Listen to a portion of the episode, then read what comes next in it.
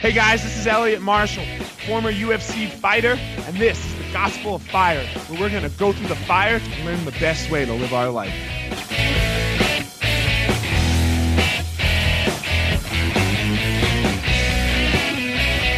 All right, everybody, episode nine of the Gospel of Fire. I am here with the current, you know how these UFC rankings go. One week you're seven, the next week you're 20. Yeah, not really 20, but you know, one week you're seven, one week he's eight. You know, no rhyme or reason. My man, Neil Magny. What's up, Neil? How are you? Not much. How you doing? I'm good, man. Um, you got a big fight coming up, right? Yeah, it's pretty exciting one down in Brazil again. I hate you. I mean, you get freaking fly miles off me, so it works out to your benefit somehow. They sent my they sent my travel though. It's Delta, man. I don't have United. I don't have United, man. Neil travels. Neil likes these long ass travel trips. He likes to leave the country and like not like Canada, like uh, like London. Or I mean, where, no, last one was Liverpool. Now we're going to Brazil. He wants to go to Argentina. He's going Indonesia or some shit. Where'd you go? The Uh, Philippines. Philippines, yeah. Philippines, Australia, all over New the fucking Zealand. New Zealand, all over the fucking world. And normally the UFC books us on on United to travel out of the country. And my businesses have a United card, so I just rack up frequent flyer miles so I can always get to upgrade to first class for like nothing, for like a couple hundred bucks. I mean, it's an easy answer for me. They sent me my travel and all of it was Delta. And I was like, what the fuck? I'm going to go change all of my business credit cards. Come to the back of the bus with us. You'll be okay. No, man, I always offer you my seat too. I always offer Neil. Neil won't take it. It's like it's right up past. He's like, no, man, I'm gonna suffer back here, not be able to sleep, and I'm just like, man, fuck that noise. Well, it's So- kind of a waste. I mean, you're sit- I'm sitting in first class. I can't eat anything. I can't drink anything for the entire flight. So I'm just sitting around with people just stuffing their faces, and I'm just like, oh, that looks good, and it's making myself more miserable. that's a good point. Yeah, I'd rather sit in the back and notice it'll be a miserable fight. Yeah. A flight, I get there and I can deal with it then. But to watch people eat for 10, 8, 12 hours, whatever it may be, like, no, that's not fun for me. That's a good point. That's a good point. I never thought of that before, Neil. That's a solid point. So um, let's talk a little bit about uh, just your fight first. How do you feel about this? Alex Oliveira, the Brazilian cowboy, correct? Yeah. Right. Yeah, I feel good about this fight. I mean, a lot of people will say things like, oh, you, you deserve someone that's a little more higher ranked or this or that. But at the end of the day, it is what it is. I mean, uh, I have an opportunity to go out there and compete. And Alex Oliveira is a good fighter. I mean, my biggest win in the last year was Carlos Condit. And uh, he pulled the classic move like, here, watch this, hold my beer. And he went out there and finished Carlos Condit. So to me, that's the guy I want to fight. He showed me that he's a tough, durable fighter that can put on exciting fights. So I want to go out there and put on an exciting fight against him. What was this nonsense that he met you in an airport or some shit that I saw? Oh my god, dude! Like, what was this? it's getting ridiculous to the point. Like people are always looking for like this drama to try to sell a fight or whatever else it may be. I mean, the fight's booked. We're in the middle of the card. We're not a co-main event. We're not a main event. Like the fight's already booked. There's nothing you can do except fight and make it exciting in order to uh, get more press at this point. And this guy's going out saying that he met me in an airport in 2015 and I was standoffish. I didn't approach him the way that he would like to. And I was like, dude, are you kidding me? I can't remember what I did yesterday. And now you're bringing up something I did in 2015. Bro, I said hello to you and you don't speak English. What else is there to say?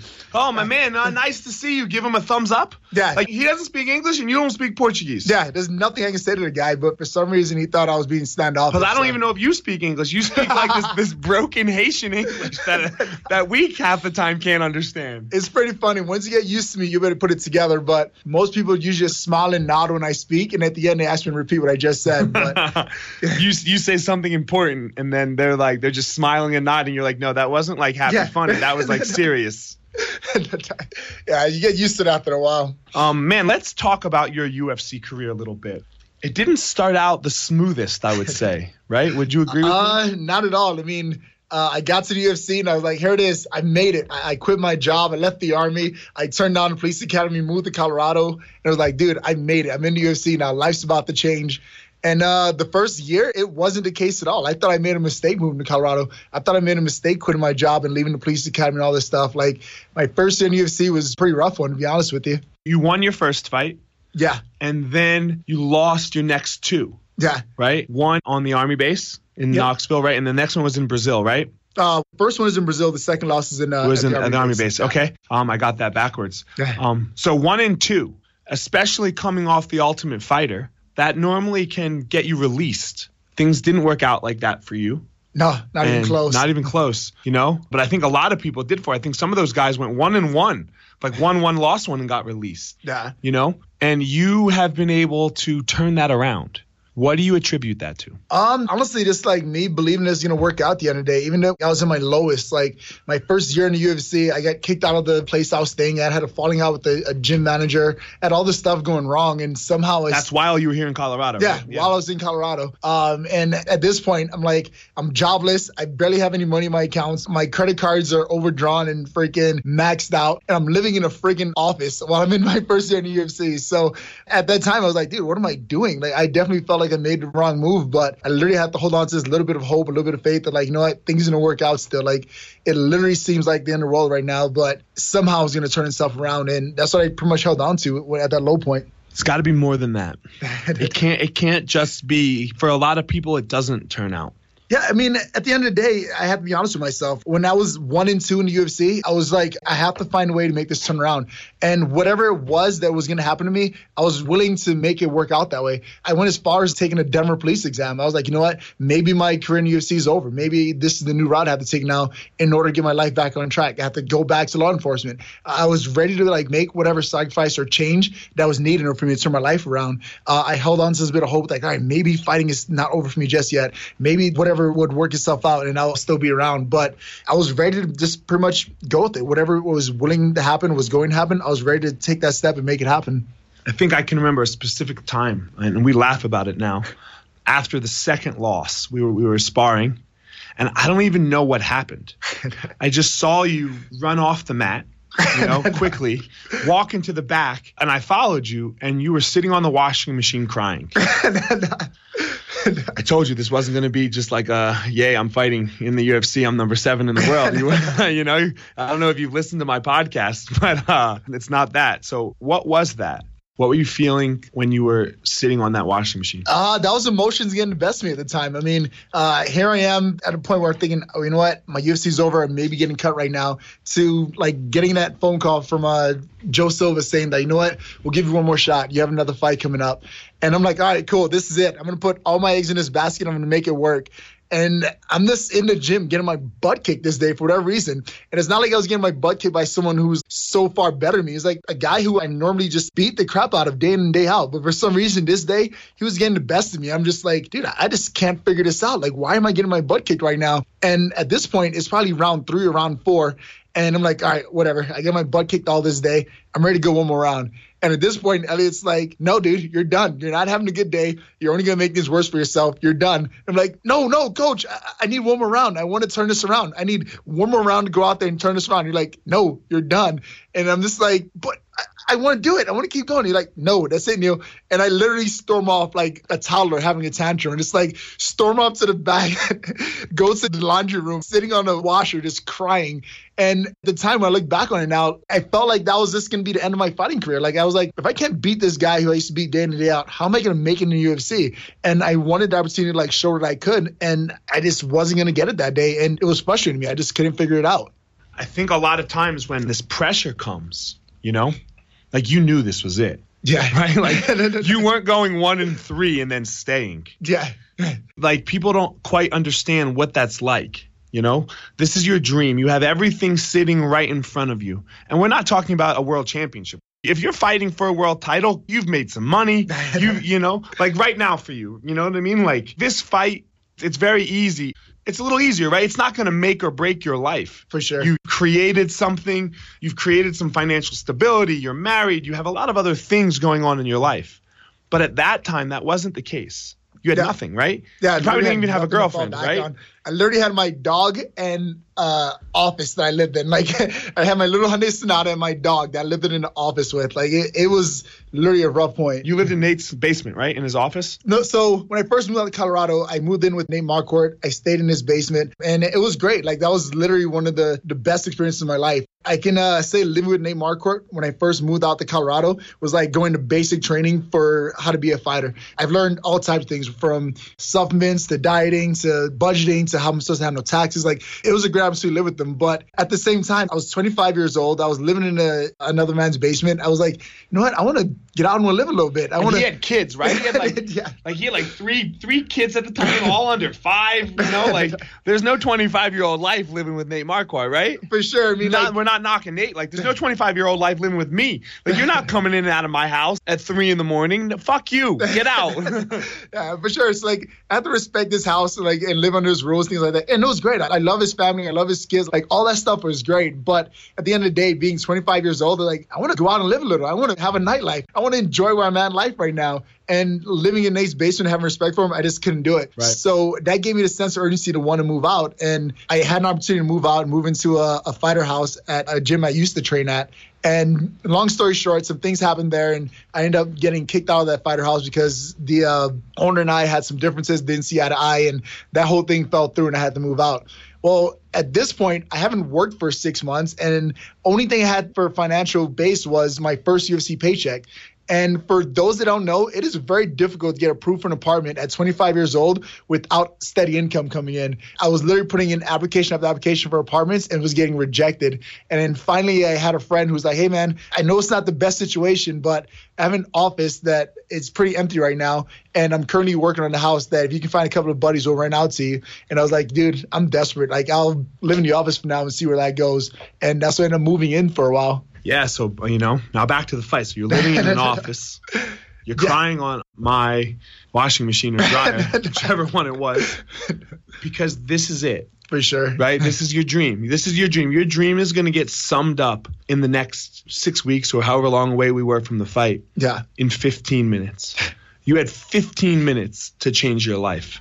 For sure. And it What's that like? it was pretty difficult, but like once I got put into it, when I was in there, I was just like, this is it. I got to fight tooth and nail. Like it was literally, I remember listening to this uh, motivational speaker and he was uh, giving this story about a guy who's like, hey, if you want a million dollars, meet me at the beach tomorrow or something like that. And at one point, he holds the guy in the water and then he's just like, what are you doing to me? What are you doing to me? And then finally, the guy jumps up, was like, how bad did you want air? And the kid was like, I wanted it pretty desperately at that moment. I could think of nothing else but air. And when I think about that moment where I was one and two going into my fourth UFC fight, that's what I felt it was like. I was like, I was fighting for air. I was like, there's nothing else I want more but be able to keep this job that I have in UFC. And I was willing to go out there and do whatever it took to keep that job. Yeah, man, that's Eric Thomas. He gives that, you know? Yeah. He's like, when you want to succeed as bad as you want to breathe, Yeah. that's when you're going to succeed. For sure. But uh, very few people wouldn't put themselves in that position. Very few people are willing to get to a point that life is so uncomfortable that they want to see what it's like to really go through that kind of pressure. Yeah, that's what almost nobody does. And to double down on that, I want to say here a little bit is fighting in and of itself is uncomfortable. For sure. The act of a fight, of knowing when and where and who and, and all that is uncomfortable. Well, now you're lively. Everything that you've made yourself out to be Yeah, is riding on the line. for sure. And you came through that fight. Who was that fight against? Gasan Umalatov, a Russian guy. Where was the fight? Uh, I was in New Jersey. Yeah. to make it even worse, like that fight in New Jersey, just to set the stage of It how was Super Bowl weekend, right? It was Super Bowl weekend, and I was broke. I was broke. I was like trying to like internalize it, not like vocalize to my coaches or anything. And somehow it all came together. I remember like overdrafting my account and pulling out whatever bit of money I have. All right, cool. I got the coach's rooms covered. I have this covered, and I'm good to go. This is when the, you overdrafted it, and I heard it, right? and I was like, I'm just gonna go stay at my parents' house, right? Yeah. I think I was going to the city every night to sleep Yeah. because I'm like, no, man, we're not overdrafting your account.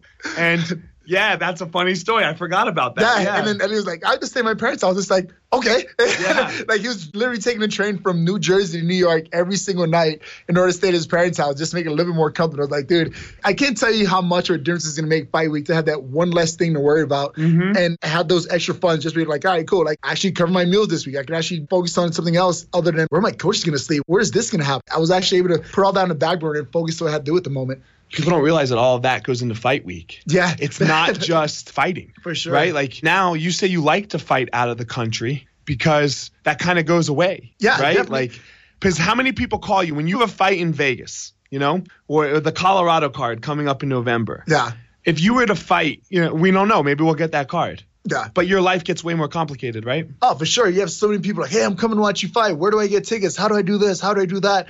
And like at the end of the day, I'm a warrior. I can't stop worrying about what other people think. You're feel. a worrier. Worrier, not Okay. warrior and worrier. Yeah.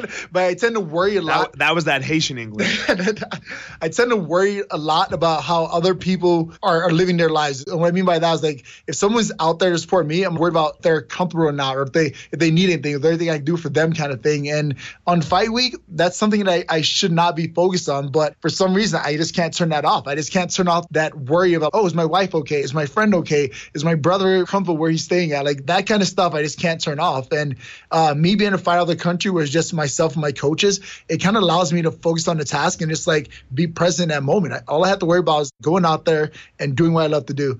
Everything else that I tend to worry about, I'll get back to when I get back home. But at the moment, only thing I have to worry about is going out there and competing. Nice, man. Let's shift gears a little bit. Let's shift gears a little bit and talk about something that I just noticed. You know, we were sitting in the office and uh, I noticed this tattoo on the inside of your wrist.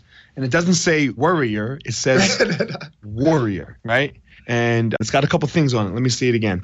So you said it's got a semicolon for the I, and then it's got the Rainbow at the bottom. the rainbow at the bottom, the rainbow and dots. Talk to us. Talk to me about what this is to you. So this tattoo. How did this come about? It came about, for those who don't know, last year I lost a brother. I mean, it was a pretty tragic moment for my family and I. And afterwards, I was like, man, how do I remember my brother? How do I think about him and things like that? And my little brother and I came up like, dude, let's just get matching tattoos that can help us remember him and help us remember things that he stood for and what he meant to us or whatever. He came up with this concept of having warrior in our tattooed on our forearm.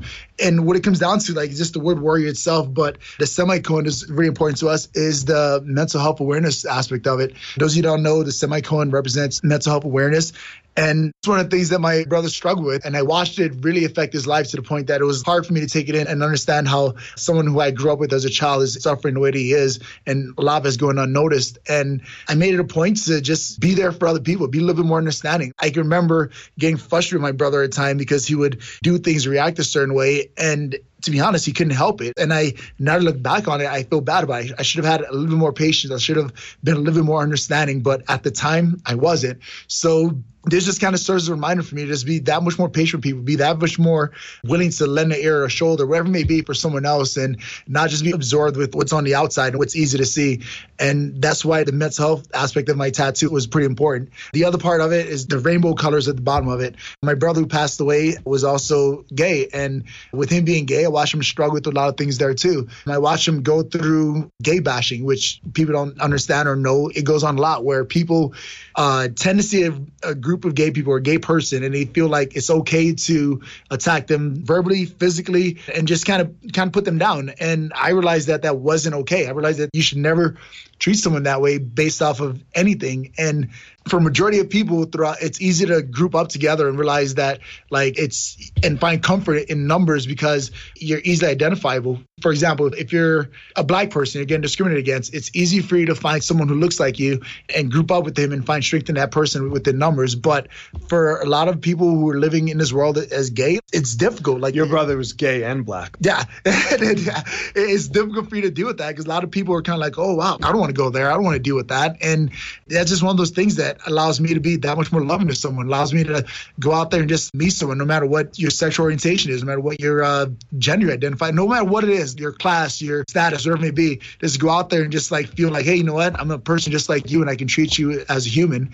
Um, and the other part of that rainbow is uh, there's a passage in the Bible where after a flood, God provided a rainbow, and part of that passage says that rainbow was to uh, hold on to his promises, represent that like he would never flood the earth again, that kind of thing. So there's a lot of significance in a small tattoo, but it definitely goes pretty deep with me. So you talk about your brothers and your childhood and that you guys were close. You, you guys had a kind of difficult childhood, yeah? yeah. Uh, I grew up in New York City, in Brooklyn, New York. At that, the area we grew up in was uh, mainly area grew up was in Bushwick. And as a kid, I wasn't able to put things together very well. But as I got older and I started realizing things, I started realizing what was going on. So by the time I got to seventh grade, I've been to eight different schools. And as a kid, I was just like, all right, whatever, we're moving again. But as I got older, I realized that the reason why we were moving so often was because we're getting kicked out. We're getting evicted time and time again. My mother was a single mother who was raising six kids, and doing that in New York City is pretty difficult. So there'd be times where we were able to find a place to stay, and life would take its toll. And before you know it, we were a month behind on rent, two months behind on rent, and uh, before you noticed, the eviction notices were there, and it was time to go somewhere else. So it was just like this constant motion of my mom trying to provide the best way she could for us, and part of doing that was like we had to move a lot in order to have a place to stay. Do you think that's why you like to help people? Um, absolutely. It definitely comes from the way the reason why I like to help people because I know for a fact there are nights where I wouldn't have had meals had it not been for someone else stepping up and and doing what was right. It didn't matter if they knew me or not. It was just the fact that they saw a struggling family or a struggling young boy and was like, this kid needs a meal, and they made it happen. They didn't care how I got there. They didn't care what my mom did to get there. They just saw what was happening and was like, you know what? I'm in a position to make a difference. I'm gonna make a difference. I think one of my favorite stories about you, Neil. Um, because if you guys, those of you who don't know Neil, Neil um, puts himself last a lot of the time in practice and in a lot of situations in his life. And I think the most touching story is you were on your way to a UFC fight. you stopped at a store on the way to the airport. Yeah. You saw a family there that needed some help. And I mean, UFC fights are big deals. For sure. They get really fucking mad at you if you don't get on the plane. you know, they want you showing up on time when they think you're showing up. Yeah. And you said, it's more important that I take care of these kids right now like whatever. If, if they cancel my fight, fuck them. Yeah. These kids need food and they need school supplies, and I'm gonna take care of them. I'm gonna miss my flight. I'll call the UFC, tell them I'm gonna miss my flight, and have them rebook me another flight. Yeah, I mean those are things that stay close. I mean, like, did you know these people? No, not at all. It's just one of those things. Like, uh, it's not that it's necessarily easy, but for a lot of people looking around, you'll see motivation everywhere. A lot of people look for like, man, what can I do to make a difference? What can I do to stand out? What can I do to like make a lasting impression on someone? And to be honest, like I don't think you have to look that far. You just have to be look at it through the right lens. Like you can literally go to the same grocery store and not see a single person who needs help. But you can walk through those same house or the very same grocery store the very same day, the very same hour, and see three people who need help, but it'll look differently. You can see that family walking through with three kids. It's like, hey, hey, put that back on the shelf. We can't get it today. And you can overhear that. And and that could be your opportunity, like, hey, you know what? I can put something forth to help this person get a meal that'll last a bit longer. It could be something as simple as going to 7-Eleven and seeing that there's a mother with a bunch of clothes in her car with the child in the back without any shoes on and realize like, hey, you know what? This family's probably living out of their car. What if I just threw a couple bucks in the window and she doesn't even know it came from me, but her child and her are able to eat that night because they found that couple of dollars they threw in the car. It just goes a long way, just being observant around you and seeing uh, all these opportunities you can make a difference, even if it's something so small. I think a lot of people don't do it because they're afraid. and what they get afraid of, in my opinion, if their their fear turns into anger, which is what it does, right? They want to blame people for the things that they've done in their life to put themselves there. For sure. Well, you did this, and that's why you are here. And for you, it doesn't matter. You for can, me, it doesn't you, matter. You don't care why they're there. Yeah. All that matters is that they're there and they need help. For sure. We'll, we'll work on the bigger problems of how did you get there later for sure. There was plenty of people who could have sat back and looked at the situation I was in. My mother and I was like, well, it's her mother's fault. She should have done this or done that. But at the end of the day, there were six children who needed a meal that night. And that was what was most important. Had I not gotten a meal that night, maybe life would have turned out slightly different for me. But someone stepped up and just saw the situation that I was in that very moment and said, like, I'm going to help this kid right now. I don't care how he got here. I don't care what yesterday had brought to where he is now, but he's in front of me now. He needs this. I'm going to do it. And that goes goes a long way. I was able to take those small gestures and make something out of it later on. But had someone not stepped up and done that back then, who knows how it could have turned out. Yeah, we get too wrapped up sometimes in the bigger picture of things. We want to blame the bum on the street. For sure. You did this to yourself. Yeah, maybe. I mean, go ahead. Take. I disagree with that route. That they did this to themselves. Go ahead. Take that route. What does that change the fact that the guy's fucking hungry? And I have hundred dollars in my wallet right now. That you know what? I need eighty of it. For whatever I'm gonna go do. Here's twenty bucks, man. Let's go get some food for sure. You know? Yeah, this is the one thing I just can't turn blind eye to. Like just seeing people in need of food is something I would never turn blind eye to. Like my experiences with fighting. The reason I enjoy traveling and seeing these different things, it goes beyond just like the just the mental aspect that I'm able to get of it, like where I get that relief where I'm not worried about anyone else as far as friends and family during fight week, but I can focus on the task at hand. But like just the experience and the people I'm able to meet with doing so. Like I can remember being in the Philippines and And growing up in the U.S., growing up without much, one thing that at least most people in the U.S. have access to is clean drinking water. I remember being in the Philippines and walk around a bottle of water and having a man come out to me and like, "Hey, can I just have a sip of your water?" I'm just like, "Wait." Water? Like you want to sip my water. Of all things, you want water. Like, yeah, take the whole bottle. You can have this whole thing. But that allows you to put things in perspective and see how great your life is or how good your life is, even though you may not be able to see the whole picture. Even though you may look at your buddy who's driving an Audi or Lexus or whatever it may be and feel like, man, my Hyundai Sonata is not enough, or I'm not enough because I don't have the best clothes, wherever it may be. Seeing those kind of things allow you to see just how privileged your life actually is. Brian Stann said it best, I think, on my, uh, you know, he was my first interview on the podcast, and he said, man, he said, this is what somebody told him. I don't know how many times I'm probably going to keep telling this story because it was just amazing. He was like, man, one of his superiors told him, Brian, there's somebody out there that is way smarter than you, way tougher than you, just, just way better than you in every sense of the word better. And all that guy's trying to do is get a drink of water for his kids. That's how little he has, and that's how blessed we've been. Um, and you talked a little bit about you're a believer you For know, sure.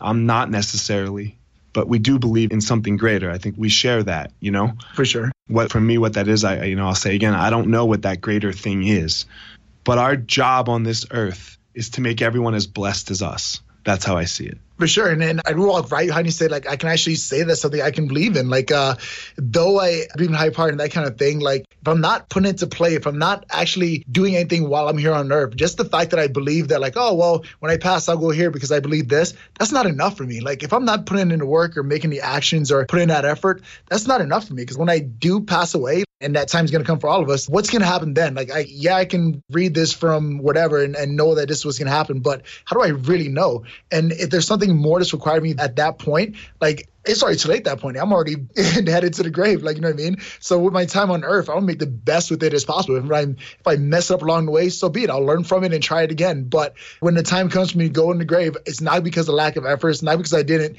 do everything that I could have. It's because I, I'm exhausted. Like there's a funny uh, skit I remember of uh, Eddie Griffin, and he's talking about this guy at a funeral home, and all his buddies are coming up saying like, "Man, he looks good in that coffin. Look at him. Look at him go." He's like, "I don't want to be that dude. Like when someone goes to my funeral, I want to look at me like, damn." This dude, it was time for him to go. Look at him. He lived life. like, like there was there was nothing else left for him to do. He did it all. And Fuck yeah. to be honest, like that's how I want to go out. Like I want to go out and know I did everything I could while I was on earth. And there's no doubt in my mind that there was anything left else for me to do. Your energy bar was zapped, right? You played the game the whole way through. So, uh, fuck yeah, man. As much as I hate traveling with you, I love traveling with you. You know? Um, I can't wait to go to Brazil, you know, and let's go do this. Let's get this job done. I don't know how much longer I'm going to coach fighting, but I know that as long for me, as long as Neil will have me in his corner, I will be there. you know, like it will be through his career. Um, It might be a because- challenge. How old was uh, Randy Couture? 44? yeah. Well, that, well, is man, that's on you. You're the one who fired me. You know. So as long as you'll have me, I'm there. You know. For me, not because of the paychecks or the world titles or anything like that. It's the human being that you are. You know. For sure. I don't think that in my life that I've known too many better people, you know? I want to say that I don't know too many people in my life who actually practice what they preach, you know? Who miss their flights to a fight, who come back from their fight, and the next day they're in the gym fixing the gym, not training, fixing the gym. I see a picture on the internet, you know, on Facebook of people, and I'm home because I'm like trying to spend some time with my kids, and there's fucking Neil, and I'm like, he just got punched in the fuck, god damn it, you know, and I feel like a scumbag, you know. But yeah, man, as long as you'll have me, I'm going. So I appreciate you. I appreciate everything you do. Um, yeah, yeah, for the team, blah blah blah blah. You know, but for humanity in general, you know, sure. you set your beliefs and your actions and your beliefs follow. So best of luck to you. And uh, yeah, man, let's go practice. Cool. Let's do it. All right, guys, that's it. Episode nine, Gospel of Fire, Neil motherfucking Magny. Hey guys, thanks for listening to this episode of the Gospel of Fire.